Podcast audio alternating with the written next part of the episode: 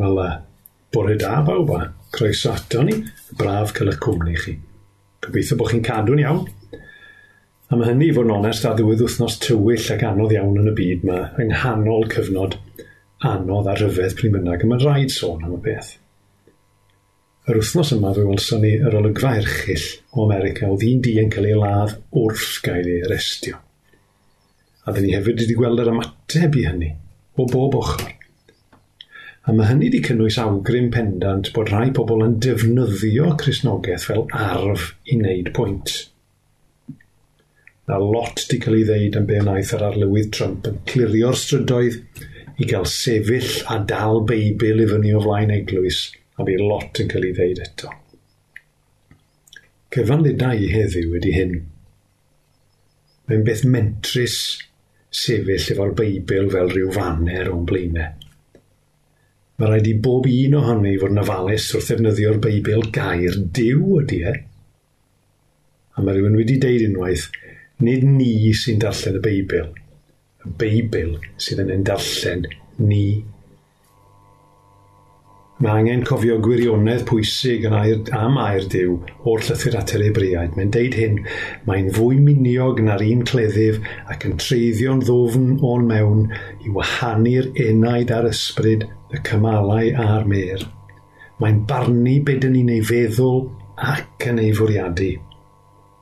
Felly, i'r arlywydd wrth y fe sefyll y flaen y camerau ac o'r pobl fel fi sy'n gwneud be dwi'n neu bore yma sef trio'n harwain i weld be mae gair diw yn ddeud, mae rhaid ni gyd gofio bod Dyw yn gweld y cyfan amdano ni. Mae'n gwybod yn cymhellio ni, yn gwybod beth ni'n feddwl a beth ni'n fwriadu, a felly rhaid bod yn ofalus. Heddiw, dyn ni'n mirio'n edrych ar y geiriau gwneler dy ewyllus, a mae deud y geiriau hynny yn ddeud mawr.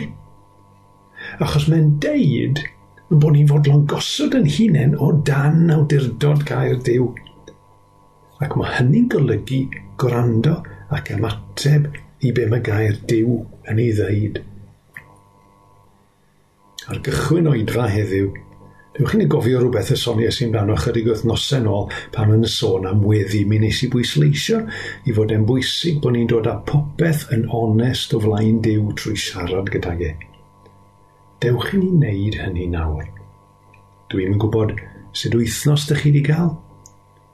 Ond dewch i ddim ni ddefnyddio chydig o amser ar ddechrau'r oedfa i ddod yn dawel a diolchgar at ddiw. I agor ein calonau o'i flaen e. Dweud sut mae arno ni. Dweud beth sy'n ympoeni ni a beth yw'n gobeithio ni. A deud hynny i gyd wrth arglwydd sydd yn ein caru ni ac eisiau'n bendithio ni heddiw.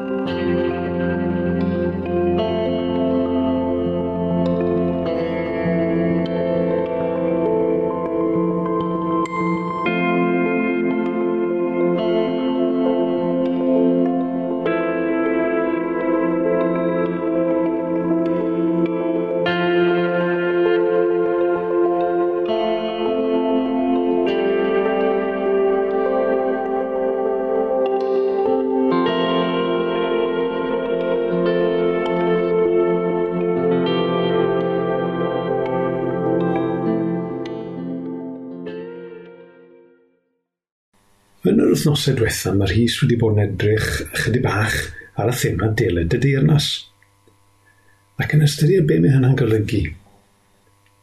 Falle bod chi'n gwybod bod y geiriau deled y deyrnas yn dod allan o weddi'r arglwydd.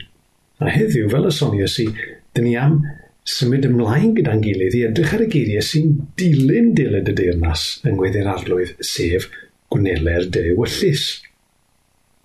A hynny golygu Gwneler dy yn y byd o'n cwmpas ni ac yn ei bywydau ni. A mae'n yn bwysig. Achos os dyn ni eisiau deyrnas ddiw ddod, mae'n golygu rhywbeth i gymdeithas ac i bobl eraill, ond mae'n golygu rhywbeth i ni hefyd os dwi o ddifri yn gweddio deled y deyrnas. Mae'n rhaid i fi weddio gwneud dewyllus, so dewch i ni feddwl heddiw, ddim jyst am wrando ar be mae Dyw yn ei ddeud ond ymateb iddo. Dewch i ni gael cwpl o ganeion nawr. Ganeion sydd yn atgoffa ni pa mor dywyll bynnag yw pethau a pa mor anodd bynnag yw bywyd nawr. Bod gobaith, achos bod yn diw ni yn ddiw ffyddlon yn ei gariad a'i ofal. Dwi ddim yn gwybod beth ydych chi'n dieddol yn wneud pa mae'r caneuon ymlaen. Pawb wahanol yn yn tŷ ni mylwri'n dieddol o ganu a fi o'r hogiau'n dawel a falle meddwl am y geiriau yn yn pennau. Ond beth bynnag sy'n naturiol i chi bore yma, dewch i ni addoli Dyw, gan gofio ei fod yn yn gwachodd ni pob un ohono ni i fewn i'w gwmni e heddiw, i ddod ato fe, i ddysgu ganddo fe. Achos mae gan ddiw rhywbeth y mae eisiau deud wrth bob un ohono ni. Dim ond i ni fod yn barod i wrando.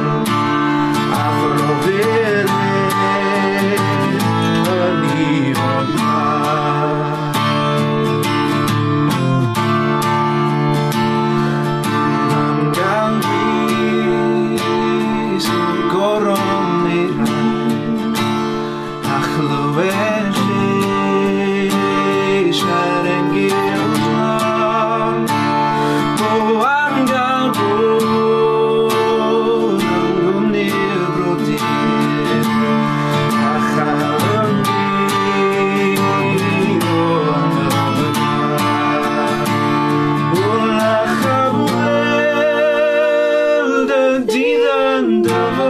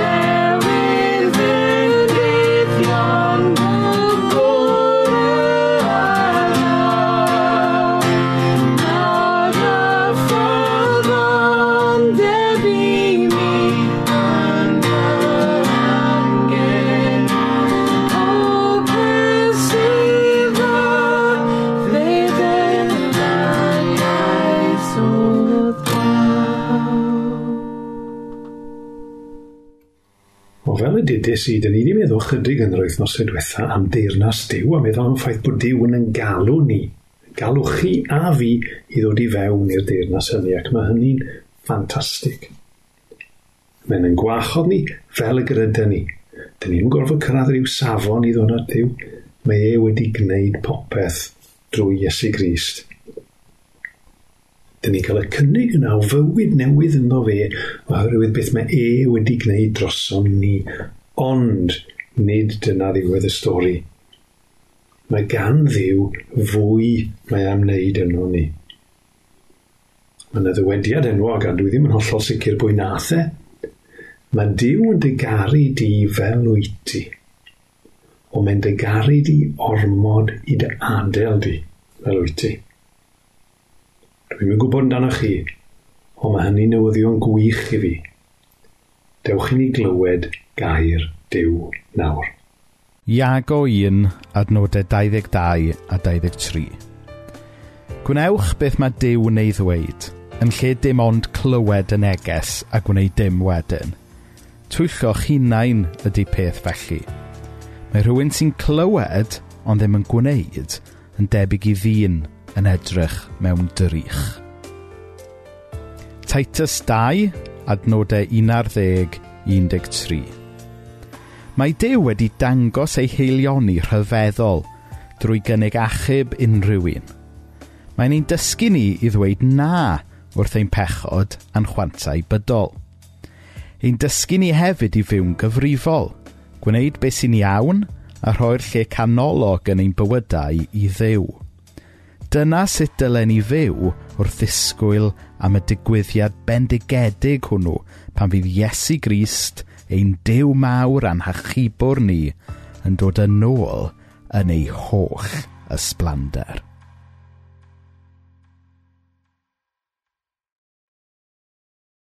Fel dwi wedi sôn, mae bwysig cofio, mae nid sôn ydw i heddiw am ddod yn Gristion.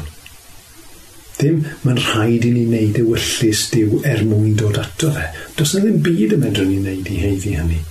Dim ond gweddio am faddeiant, gofyn am a derbyn yr hodd o fywyd mae Iesu'n ei gynnig. Dwi'n sôn heddiw am y gwahaniaeth mae hynny'n gallu gwneud wedyn. Ac i lawer o bobl, y darn o'r newyddion da am Iesu sy'n ei denu fwyaf yw bod Iesu yn cynnig newid ein bywydau ni. Un o'r pethau yrodd fi i roi fy mywyd i Iesu oedd mod i diflasu'n llwyr ar ffaith mod i'n gallu rhoi trefn ar fy mywyd. Ac felly nes i wahodd e i fewn i wneud hynny. A newyddion da yw mae e eisiau gwneud hynny. Mae llythyr Paul at yr effesiaid yn deud fod gan ddiw bwrpas ar ein cyfer ni. Mae'n deud, mae wedi'n creu ni mewn perthynas ar Mesu Iesu i ni wneud yr holl bethau da a mae e wedi trefnu mlaen llaw i ni ei gwneud. Felly, nid beth one-off ydy gwaith diw yno ni. Mae'n gwneud rhywbeth i'n denu ni i droi ato fe, ond dechrau'n unig yw hynny. Mae eisiau newid ni, achos mae gynno fe bethau da mae eisiau ni wneud. Ond sut? Mae'r adnodau dyn ni newydd i clywed o lythyr Iago'n dweud yn glir y dyle'r Cristion fod yn wahanol. Gnewch beth mae Dyw yn ei ddweud yn lle dim ond clywed y neges a gwneud dim wedyn ni. Mae'n deud bod rhywbeth o'i le os dyn ni'n dod at Iesu ond bod dim byd yn newid wedi. Sut allwn ni fod yr un fath os di Dyw wedi dangos gymaint o gariad tuag ato ni? Ac yn y llythyr mae'n symud ymlaen i'n hannog ni drwy ddeud edrych yn fanol ar ddysgeidiaeth berffaith y Dyw sy'n ein gollwng ni'n rhydd. Felly, un o'r canau cyntaf yw dysgu be mae Dyw yn deud sy'n iawn, ac mae hynny'n ofnadw bwysig mewn byd lle mae pawb a'i nain a barn am beth sy'n iawn i'w wneud. Ond mae'n golygu mwy na gwrando yn unig. Tydi gwybod beth yw'n wneud, ddim o reidrwydd yn golygu bod ni'n ei wneud e. Mae hynny wedi dod yn amlwg iawn yn yr wythnosau diwetha, gyda pawb yn dal i drafod ymweliad Dominic Cummings a Durham pan oedd miloedd ar filoedd o bobl bach arall wedi aros adre yn ei fyddhau i gyngor ei lywodraeth e. A beth bynnag ydy barn pobl am hynny? Mae bob amser yn haws gweld bai yn rhywun arall, ond yn anodd gweld bai yno ni yn hunain. Mae gen i rester hir o bethau dwi'n gwybod mod i angen i gwneud, ond nad ydw i yn ei gwneud nhw. Felly, pan dyn ni'n dod at Iesu, dyn ni'n cael yn galw i fyw yn wahanol ar ôl dod ato.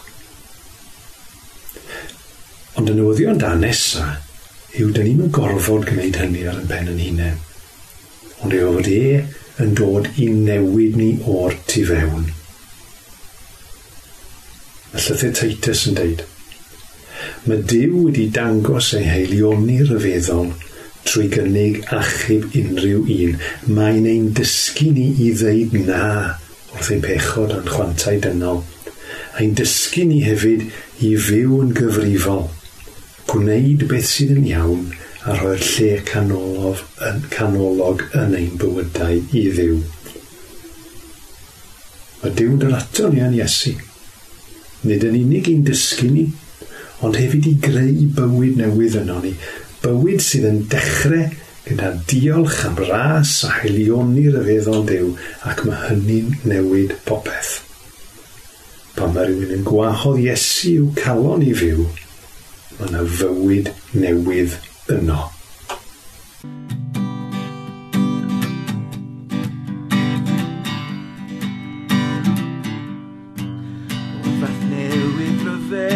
mlynaid ond o fi Daeth Iesu'n calon i fi.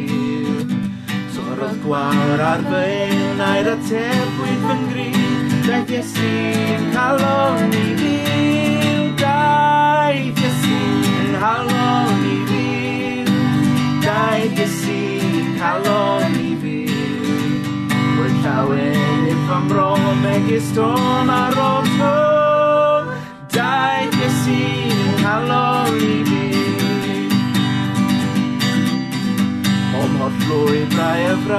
Ond y chwelwyd bynnag Daeth i sy'n cael ôl i fi A lle oedd chwyr fy meiaid i'r fan ei wair Daeth Iesu yn cael ôl i fi Daeth Iesu yn cael ôl i fi Daeth Iesu yn cael ôl i fi Roedd llawer i ffrym Rome Megis Dona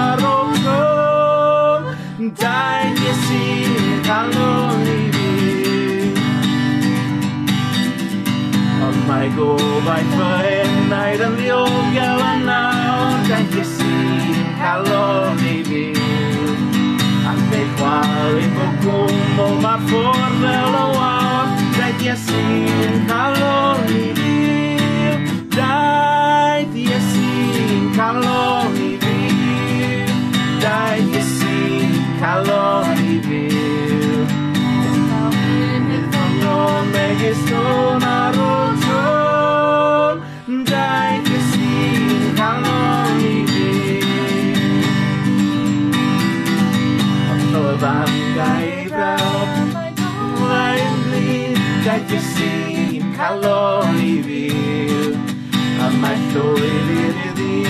tra tragwydd o lanwyn Daeth Iesu yn calon i fi Daeth Iesu yn calon i fi Daeth Iesu yn calon i fi Gwyd llawen yn ymron megis tron ar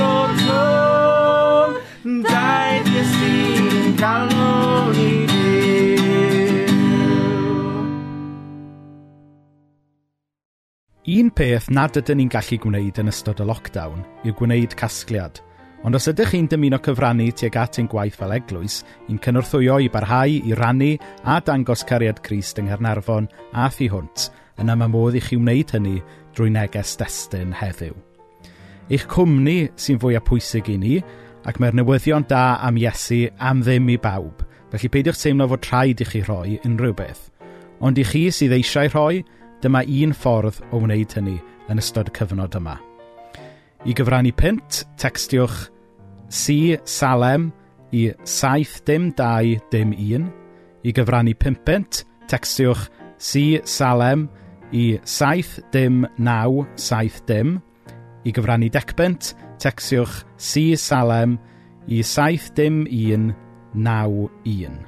Codir tal neges destyn ar eich cyfradd rhwydwaith safonol. Diolch am eich heilioni. Felly mae Iesu yn dysgu ni sut i fyw yn wahanol, yn ôl gair diw. Ac mae'n dod i fyw yno ni'n helpu ni i wneud hynny. Fel y dywedodd yr awdur C.S. Lewis, the Christian does not think God will love us because we are good, but that God will make us good because he loves us. Ac mae'r newid hynny'n bwysig. Mae'n dangos bod stamp diw ar ei bobl – yn dangos yn bod ni'n rhai sydd wedi cael ein derbyn, er yn bod ni ddim yn heiddi dim, ac felly yn dysgu rhoi yn yr un ffordd. Ond sut mae hynny'n gweithio? Os yw Iesu yn y nefoedd gyda Dyw nawr, o ble mae'r nerth i wneud hyn yn dod? Cwestiwn pwysig i unrhyw un sydd, os ydych chi fel fi, yn gwybod am y tueddiad naturiol ni fod yn hunanol, ac os ydyn hunain gyntaf, Newch ni wrando eto ar eiriau Paul o lythyr cyntaf at y Corinthiad. Mae'r ysbryd yn byw yno chi. Mae wedi ei roi yn rhodd i chi gan ddiw. Pan adawodd Iesu'r byd yma i fynd at ei dad, fe ddwedodd e a byddai mae'n gadael yr ysbryd lan i fod gyda ni i fyw yno ni, i'n harwain ni, i'n llenwi ni, i'n nerthu ni, i fod y bobl wahanol hynny mae Dyw am mynd i fod. Pa wahaniaeth mae hynny'n gwneud? Ond mae'r Beibl yn deud llawer am effaith gwaith yr ysbryd lan yng ngwydau bobl. Mae'n y sôn am ddoniau, mae'n y sôn am arwyddion ar y feddodau, ond y bethau mwyaf arwyddocaol yw'r ffrwythau yn Galatiad 5. Dyma'r ffrwythau mae'r ysbryd lan yn ei dyfu yn ein bywydau ni – cariad, llawenydd, heddwch dofn, amynedd, caredigrwydd, daioni, ffyddlondeb, addfwynder a hunanreolaeth. Rwy'n gwybod yn sicr mod i angen gweld mwy o'r pethau yna yn fy mywyd i. Ac yn gwybod o weld y ffrwyth yn yn fy mywyd i, y bydd mwy o ewyllus diw i weld yn y ffordd dwi'n byw, yn y pethau dwi'n ei gwneud a'r ffordd dwi'n trin pobl. Os ydyn ni eisiau gweld ewyllus diw yn amlwg yn ein bywydau ni, dyn ni angen yr ysbryd lân i weithio yno ni. Falle bod rhai sy'n gwrando heddiw heb ddod i gredu eto – ond mae'r gwahoddiad i chi yn deud, does dim rhaid i chi gyrraedd rhyw safon i ddod at Iesu, dim ond dod. Ond, ar ôl i chi ddod, mae e'n cynnig byw yno ni, trwy ei ysbryd lan. Mi'n troi ni fewn i'r bobl mae e am mynd i fod. Ac os ydych chi'n gristion yn gwylio, falle bod pethau mynd dda ar hyn o bryd, neu falle ddim. Cofiwch bod Dyw yn ei nerth dal eisiau gweithio yno ni. Ac mae fe yw'r un, fe mae'r adnod yn deud, sy'n gwneud llawer iawn mwy na dim byd y byddwn ni'n mynd mentro gofyn amdano na hyd yn oed yn gallu ei ddychmygu. Felly dewch i ni gyd droi ato fe a deud deled y deyrnas. Dewch i ni gyd droi ato fe a deud gwneler dewyllus. Te'r darglwydd i fyw yno fi. Te'r dysbryd lân. Llenwa fi er mwyn i mi fyw yn ôl ewyllus diw. Boed fy nghalon i ti yn demol. Boed fy nghalon i ti'n demol, boed fy ysbryd i ti'n